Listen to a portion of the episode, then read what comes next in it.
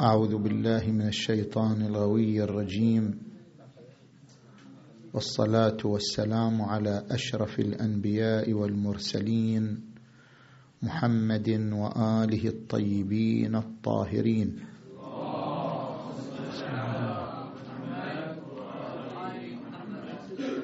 بسم الله الرحمن الرحيم. من كان يريد العاجلة عجلنا له فيها ما نشاء لمن نريد. ثم جعلنا له جهنم يصلاها مذموما مدحورا. ومن أراد الآخرة وسعى لها سعيها وهو مؤمن فأولئك كان سعيهم مشكورا. كلا نمد هؤلاء وهؤلاء من عطاء ربك. وما كان عطاء ربك محظورا. صدق الله العلي العظيم. عندما نتأمل في القرآن الكريم حول الإرادة فإننا نطرح عدة أسئلة تتعلق بفاعلية الإرادة بالنسبة إلى الشخصية الإنسانية. ما هي حقيقة الإرادة؟ وما هي النسبة بين إرادة العبد وإرادة الله؟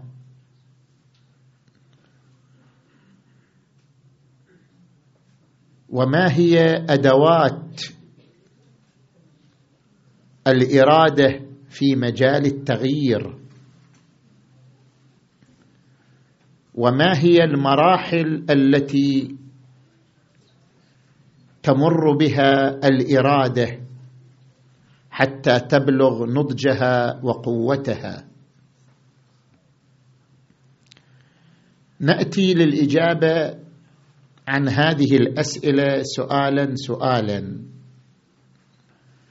السؤال الأول ما هي الإرادة؟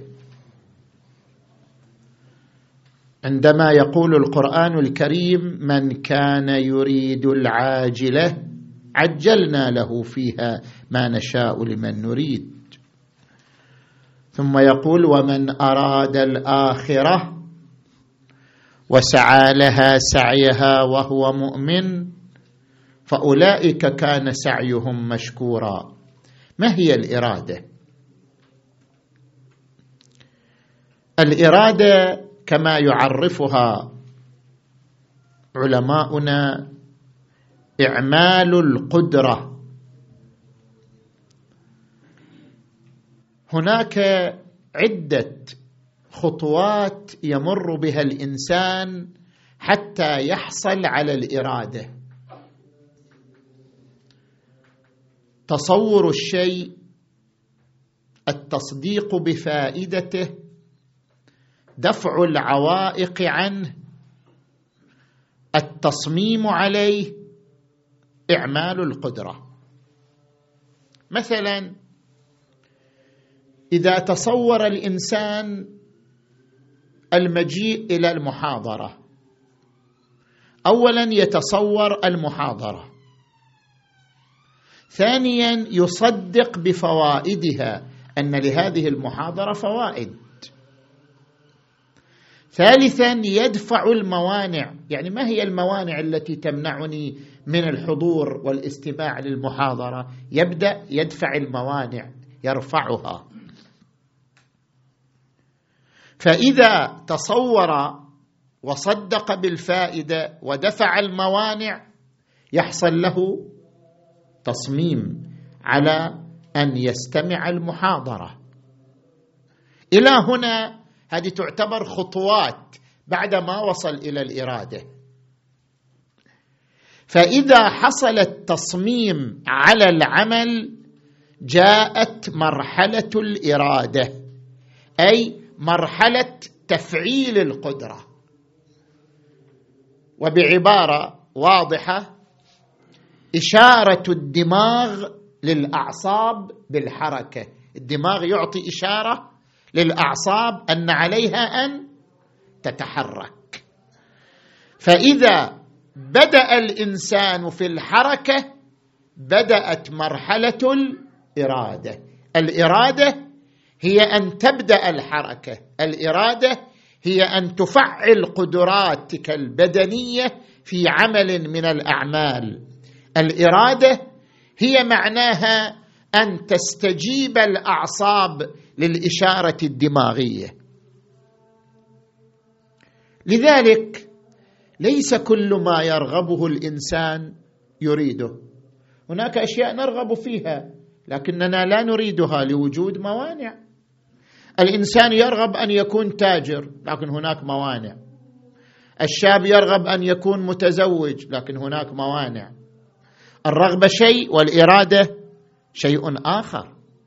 قد يصمم الإنسان على عمل ومع ذلك لا يصل إلى مرحلة الإرادة. يخرج من بيته لأجل أن يحضر المجلس فجأة السيارة لا تعمل.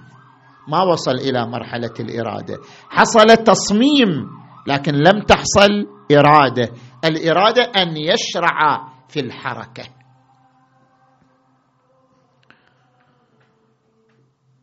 هذه حقيقة الإرادة لدى الإنسان.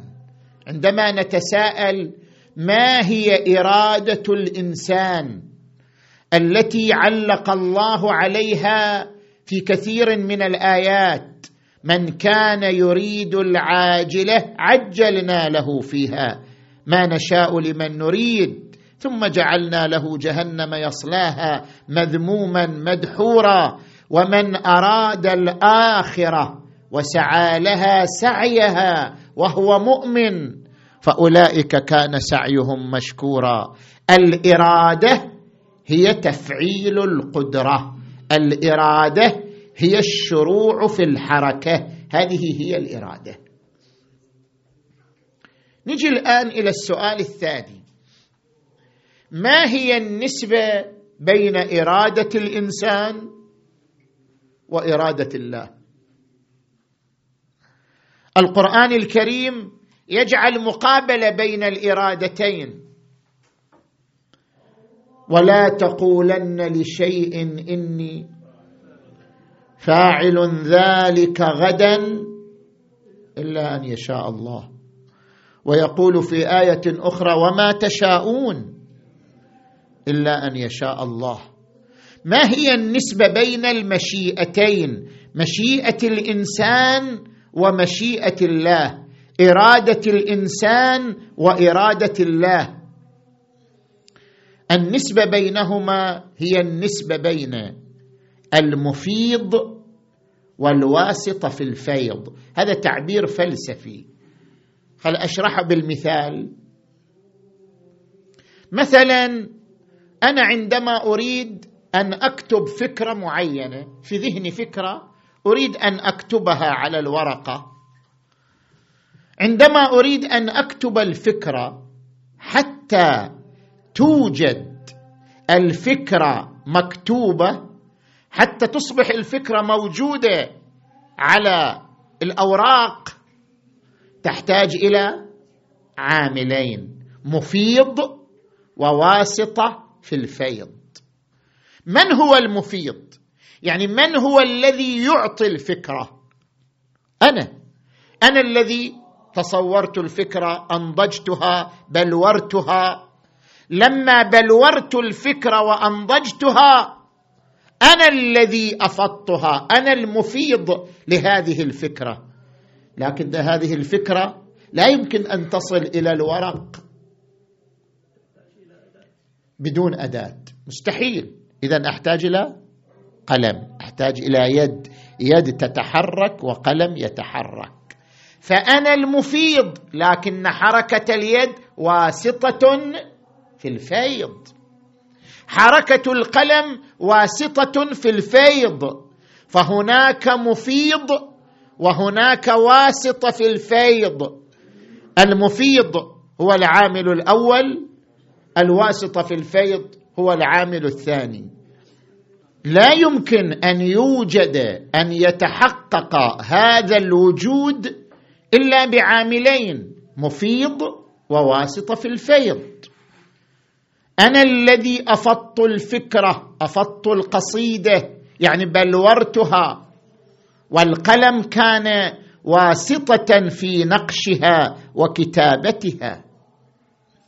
هذه العلاقة بين المفيض وبين الواسطة في الفيض هي نفسها العلاقة بين إرادة الله وإرادة العبد. إرادة الله وإرادة الإنسان.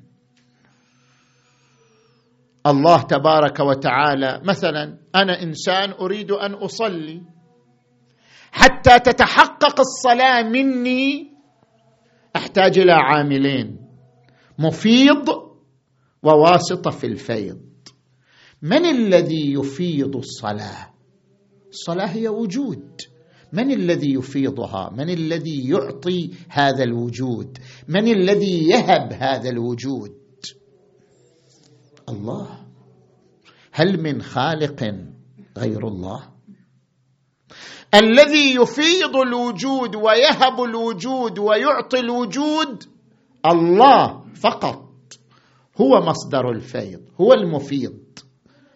لكن تحتاج الصلاة إلى عامل ثاني أيضا وهو إرادتي. لولا إرادتي لما وجدت الصلاة. اذا هناك عاملان لوجود الصلاة مفيض وهو الله وواسطة في الفيض وهي إرادتي. إرادة الله مفيض وإرادة الإنسان واسطة في الفيض. كما لو أراد الإنسان أن يكتب قصيدة المفيض هو الإنسان والقلم واسطة في الفيض. الله تبارك وتعالى أيضا ربط أعمالك بإرادتك. هو قادر على أن يخلقها. لا تنقصه. لا تنقصه قدرة. لو أراد أن يخلق الصلاة أو الصوم أو الحضور في المجلس رغما عليك هو قادر على ذلك. لكنه ربط هذه الأفعال بإرادتك. فأصبحت هذه الأفعال لا توجد إلا بعاملين إرادة من الله وهي المفيض وإرادة من الإنسان وهي واسطة الفيض. لأجل ذلك نفهم الآية المباركة التي قرأناها. من كان يريد العاجلة هو الذي أراد الإنسان. من كان يريد العاجلة عجلنا له. هو أراد أن يعيش الدنيا بلذائذها ومتعها وزخارفها. نحن أعطيناه ما يريد. من كان يريد العاجل عجلنا له فيها ما نشاء لمن نريد. ثم جعلنا له جهنم يصلاها مذموما مدحورا. ومن أراد الآخرة وسعى لها سعيها مو أي سعي.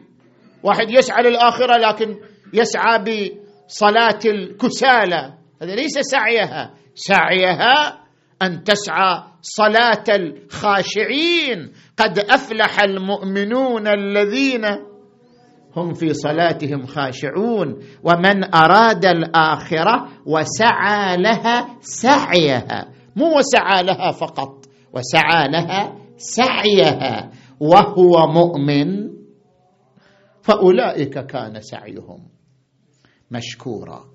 الأول أراد أعطيناه ما أراد. الثاني أراد أعطيناه ما أراد. كلا نمد هؤلاء وهؤلاء من عطاء ربك. وما كان عطاء ربك محظورا. مصدر العطاء هو تعالى وأنت واسطة في العطاء. أنت واسطة في الفيض. بإرادتك تتحقق الواسطية في العطاء والفيض.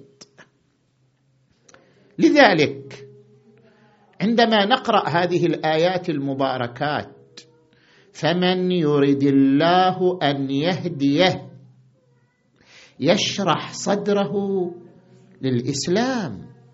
ومن يرد أن يضله يجعل صدره ضيقا حرجا كأنما يصعد في السماء. هل الله يريد هدايتنا رغما على أنوفنا؟ أم يريد ضلالنا رغما على أنوفنا؟ هل أراد هدايتنا وإن كنا نحن نأبى الهداية؟ أو أراد ضلالنا وإن كنا نحن نريد الهداية؟ لا. إذا أردت انت الهداية أفاض عليك نعمة الهداية. هو المفيض وإرادتك واسطة في الفيض. فمن يرد الله أن يهديه بعد أن اراد هو الهداية. والذين جاهدوا فينا لنهدينهم هم جاهدوا هم طلبوا لذلك هديناهم. والذين جاهدوا فينا لنهدينهم سبلنا. وأما ومن يرد أن يضله هو الإنسان شقي. هو الإنسان يصر على الضلال يصر على أن يعصي ربه. إذا أصر الإنسان على المعصية إذا أصر الإنسان على الضلال حرمه الله من الفيض. هذا معنى من يريد أن يضله. هو لا يضلك. هو لا يزرع الضلال في قلبك. إنما إذا أصر إذا أصررت أنت على الضلال منع عنك فيض الرحمة لأنك مصر على الضلال. وإذا منع عنك فيض الرحمة أصبحت ضالا. ومن يرد أن يضله يجعل صدره ضيقا حرجا كأنما يصعد في السماء. اذا أنت المفتاح. أنت تريد فيعطيك الله. إرادتك هي المفتاح. تريد الدنيا يعطيك. تريد الآخرة يعطيك. تريد الهداية يعطيك. تريد الضلال يحبس عنك الهداية. أنت المفتاح إرادتك هي المفتاح. أنت تقرر مصيرك. أنت تقرر دنياك. أنت تقرر آخرتك. أنت تقرر كل شؤونك.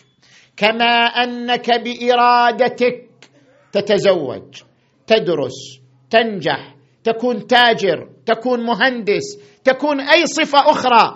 كما أن إرادتك هي التي تصنع القرار في أسرتك في حياتك في مستقبلك. إرادتك هي التي تصنع القرار في جنتك ونارك في قبرك في آخرتك في دنياك. قرارك بإرادتك.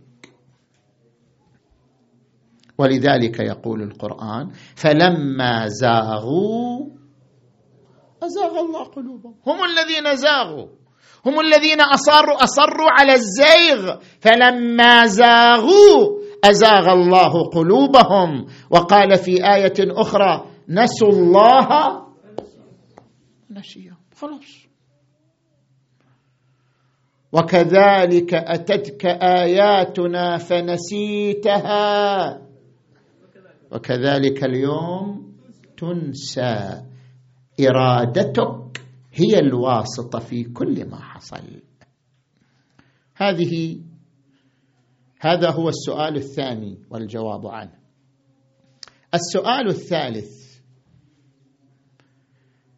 ما هي أدوات التغيير؟ كل إنسان منا يريد التغيير. كل إنسان منا يطمح أن يصل إلى أعلى درجات السمو والكمال. كل يطمح ويرغب في التغيير. والقرآن يقول إن الله لا يغير ما بقوم حتى يغيروا ما بأنفسهم. التغيير ينطلق من الداخل. التغيير ينطلق من الإرادة. إذا ملكت إرادة التغيير ملكت مشروع التغيير. إذا ملكت إرادة التغيير ملكت القدرة على التغيير. اذا التغيير منطلقه من داخلك. إن الله لا يغير ما بقوم حتى يغيروا ما بأنفسهم. ما هي أدوات التغيير؟ كل الأدوات التي بيدك هي أدوات تغيير. كل إنسان يمتلك أربع أدوات. هذه الأدوات الأربع هي أدواته على التغيير. جسم عقل قلب زمكان. أدوات أربعة. لا يمكنك أن تصنع تغييرا بدون هذه الأدوات الأربعة. والله أخرجكم من بطون أمهاتكم. لا تعلمون شيئا. وجعل لكم السمع والأبصار والأفئدة قليلا ما تشكرون. اذا هناك أدوات بيدك. اليد الأولى الجسم. جسمك طاقة. بثها الله. عليك أن تستغل هذه الطاقة في عملية التغيير. شهر رمضان فرصة التغيير. استغل هذا الجسم هذه الطاقة واصهرها في عملية التغيير. كما ورد في الحديث الشريف هذا الجسم الذي ذاق لذة المعصية أذقه ألم الطاعة. حتى تستغل الجسم حتى يصبح الجسم أداة من أدوات التغيير كما ذاق جسمي لذة المعصية فليذق جسمي ألم الطاعة. أن أصبر على الصوم أن أصبر على الصلاة أن أصبر على النافلة أن أصبر على الدعاء أن أصبر على العبادة. ماذا تأخذ مني العبادة في شهر رمضان؟ 24 ساعة منها ساعتين ثلاث للعبادة. ساعتان ثلاث ساعات للقرآن والدعاء والنافلة. ثلاث ساعات من يوم كامل. ليست شيئا. أذق الجسم ألم الطاعة في ثلاث ساعات. لكي يكون الجسم أداة من أدوات التغيير. فإن هذا الجسم سيتغير. شئت أم أبيت؟ هو جسمك رايح يتغير. لكن قد يتغير تغيرا سلبيا وقد يتغير تغيرا ايجابيا. ما لكم لا ترجون لله وقارا وقد خلقكم. أطوار الجسم يتغير. لكن أن تستغل تغييره في التغيير الإيجابي. الأداة الثانية العقل. فبشر عبادي الذين يستمعون القول فيتبعون احسنه يحرك عقلك. استغل هذه الأداة. أولئك الذين هداهم الله وأولئك هم أولو الألباب. وورد عن النبي محمد.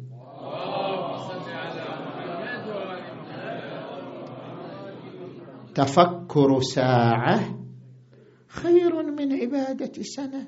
فكر. الذين يذكرون الله قياما وقعودا وعلى جنوبهم ويتفكرون في خلق السماوات والأرض. ربنا ما خلقت هذا باطلا. سبحانك فقنا عذاب النار.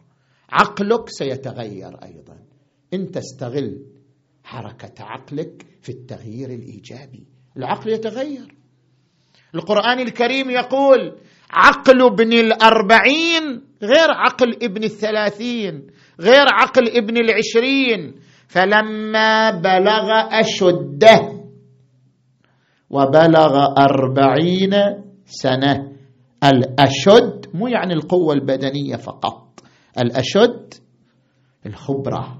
القوة العقلية فلما بلغ أشده وبلغ أربعين سنة قال رب أوزعني أن أشكر نعمتك التي أنعمت علي وعلى والدي وأن أعمل صالحا ترضاه.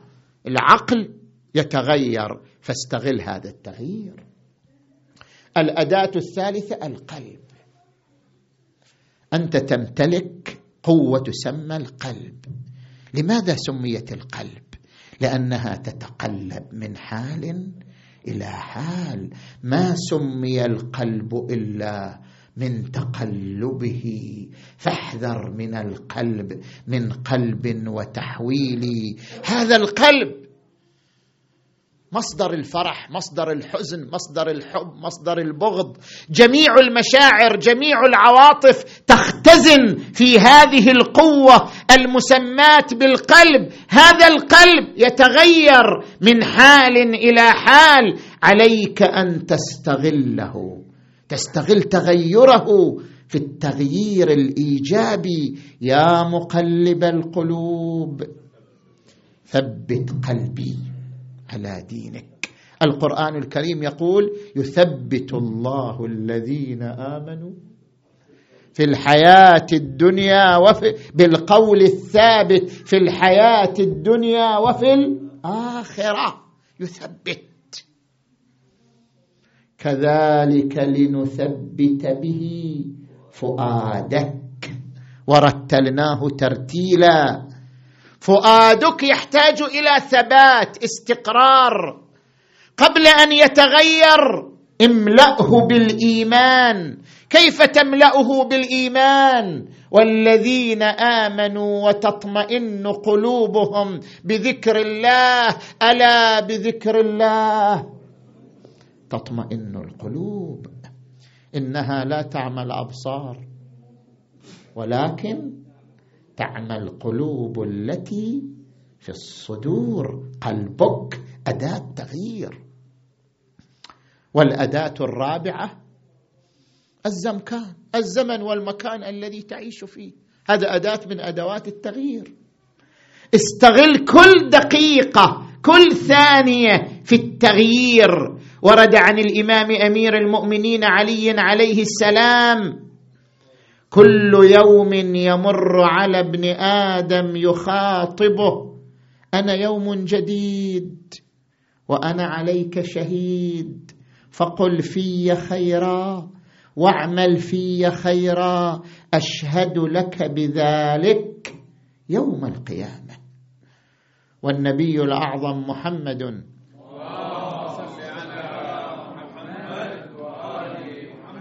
ورد عنه أنه قال الليل والنهار يعملان فيك فاعمل فيهما. الزمن أداة من أدوات التغيير استغلها سريعا وسابقوا إلى مغفرة من ربكم. استغلها سريعا في بناء شخصيتك الإيمانية. استغل زمن شهر رمضان. استغل هذا النهار. استغله في التغيير الإيجابي في أن تصنع من نفسك انسانا ثابتا راسخا في الإيمان والصلاح. نأتي إلى السؤال الرابع والأخير. مراحل نمو الإرادة مراحل تقوية الإرادة. كما ذكرنا في المحاضرة السابقة كيف أمتلك إرادة قوية؟ أنا أريد أن تكون عندي إرادة.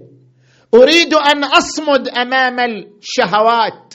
أريد أن أصمد أمام الغرائز. أريد أن أقول لا للنفس الأمارة. أريد أن أقول لا للشهوة والغريزه التي تلح علي. كيف أمتلك الإرادة القويه الصامده الشامخه التي أقف بها أمام الغرائز والشهوات؟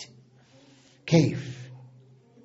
هنا عدة مراحل يذكرها علماء السلوك.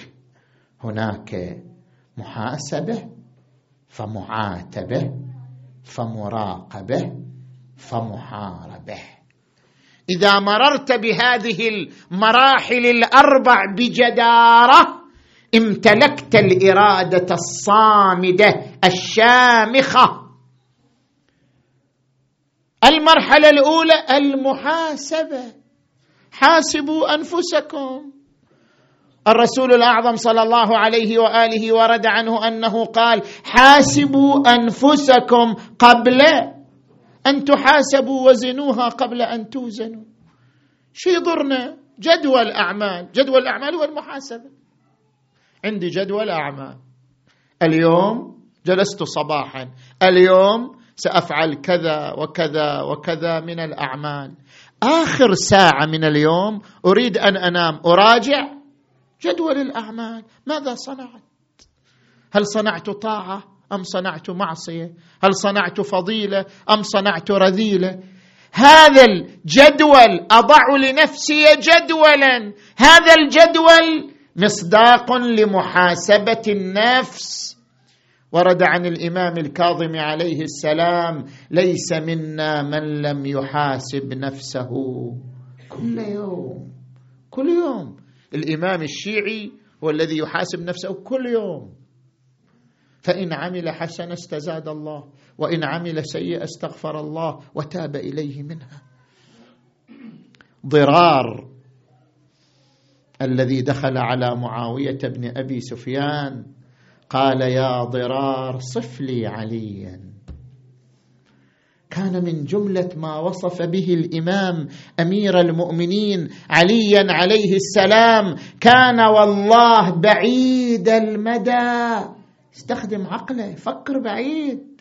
كان والله بعيد المدى شديد القوى. يقول عدلا ويحكم فصلا يحاسب نفسه إذا خلا.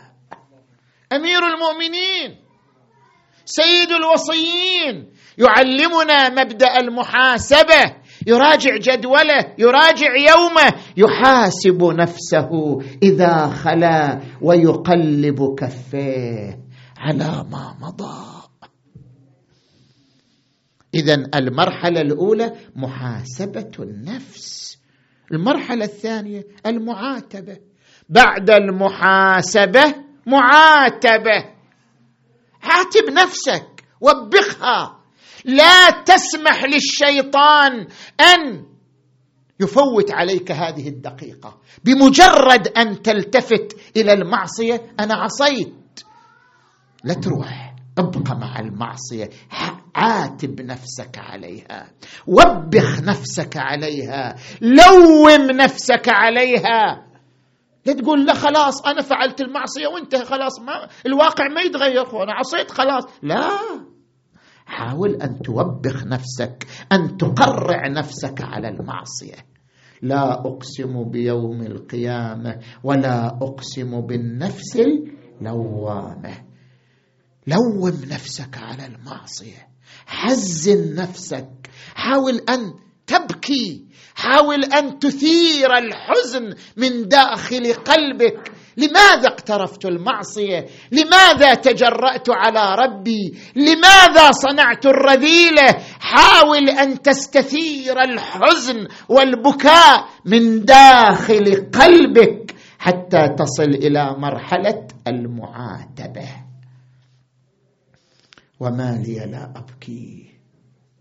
زين العابدين في دعاء أبي حمزة في أيام الشهر الشريف نقرأه. وما لي لا أبكي ولا أدري إلى أين مصيري وأرى نفسي تخادعني وأيامي تخاتلني وقد خفقت عند رأسي أجنحة الموت.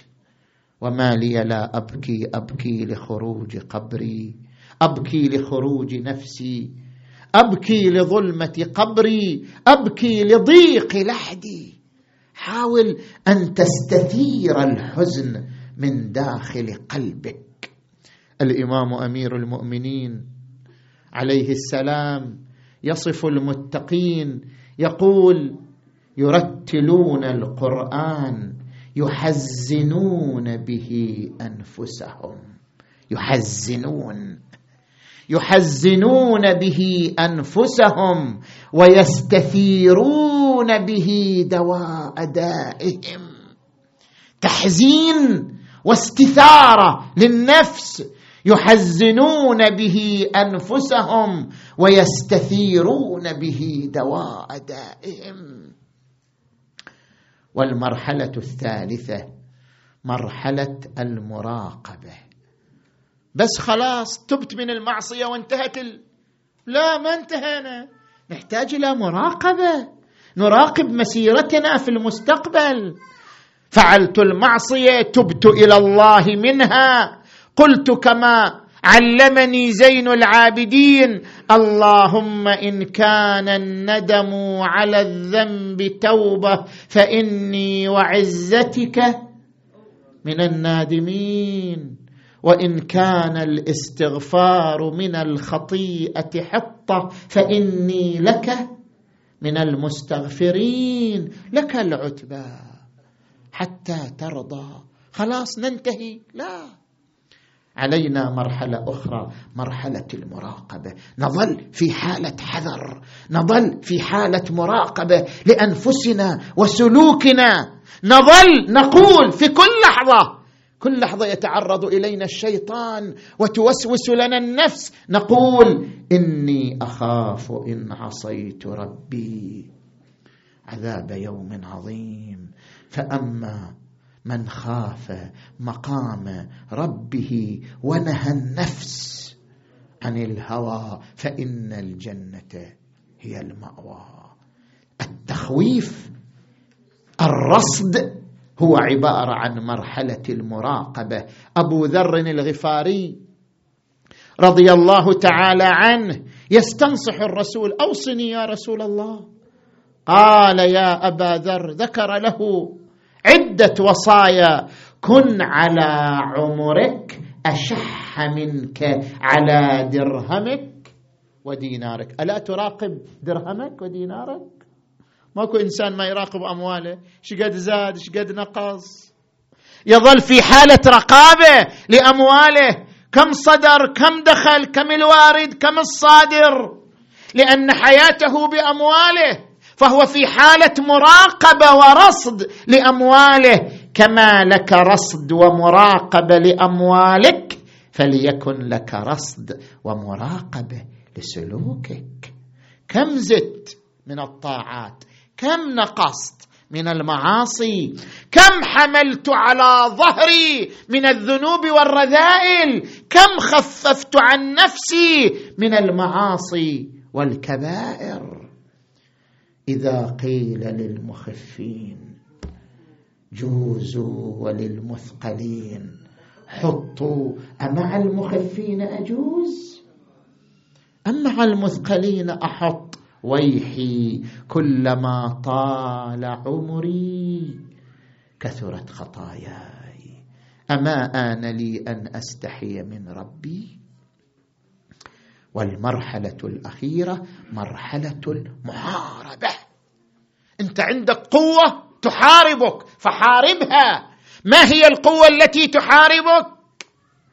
وما أبرئ نفسي إن النفس لأمارة بالسوء ولقد خلقنا الإنسان ونعلم ما توسوس به نفسه. كثير منا يعتذر بالشيطان. ليش فعلت المعصية؟ الشيطان أضلني. لا نفسك أقوى من الشيطان. النفس التي عندك أقوى من الشيطان. القرآن الكريم يقول إن كيد الشيطان كان ضعيفا. الشيطان ضعيف. أنت أقوى من الشيطان. أنت إذا أردت الطاعة تسحق الشيطان وإذا أردت المعصية فأنت أقوى من الشيطان في الإصرار على المعصية. النفس التي عندك أقوى تاثيرا من الشيطان. إن النفس لأمارة بالسوء إلا ما رحم ربي. اذا هذه النفس تحتاج إلى محاربة. محاربة! أنت تخوض حربا دامية تخوض صراعا مريرا مع النفس الأمارة بالسوء. تقف أمامها. كلما اشتهت المعصية اشتهت الظلم اشتهت الغش اشتهت الربا اشتهت العلاقات الغير المشروعة اشتهت سماع الأغاني اشتهت النظرة المحرمة كلما اشتهت تقف أمامها محاربا. ورد عن النبي صلى الله عليه وآله.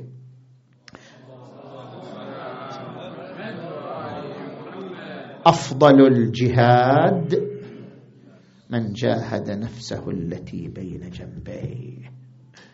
حارب نفسك جاهدها فإن هذا أفضل الجهاد. أمير المؤمنين علي بن أبي طالب يقول وإنما هي نفسي أروضها بالتقوى وتزودوا فإن خير الزاد. التقوى. إذا تأملنا في هذه المراحل التي ذكرناها من محاسبة فمعاتبة فمراقبة فمحاربة. وصلنا إلى قوة الإرادة وصلابة الإرادة التي نتحدى بها زلازل الشيطان وأعاصير النفس الأمارة بالسوء. اللهم وفقنا لمرضاتك. جنبنا معاصيك واجعلنا في هذا الشهر الشريف من عتقائك من جهنم وطلقائك من النار وسعداء خلقك بمغفرتك ورضوانك يا أرحم الراحمين. أحينا حياة محمد وآل محمد وأمتنا مماتهم واحشرنا في زمرتهم وارزقنا شفاعتهم وفرج لوليك وابن أوليائك صلواتك عليه وعلى آبائه الطيبين الطاهرين وإلى أمواتكم وأموات المؤمنين والمؤمنات الفاتحة تسبقها الصلوات. اللهم صل على محمد وعلى محمد.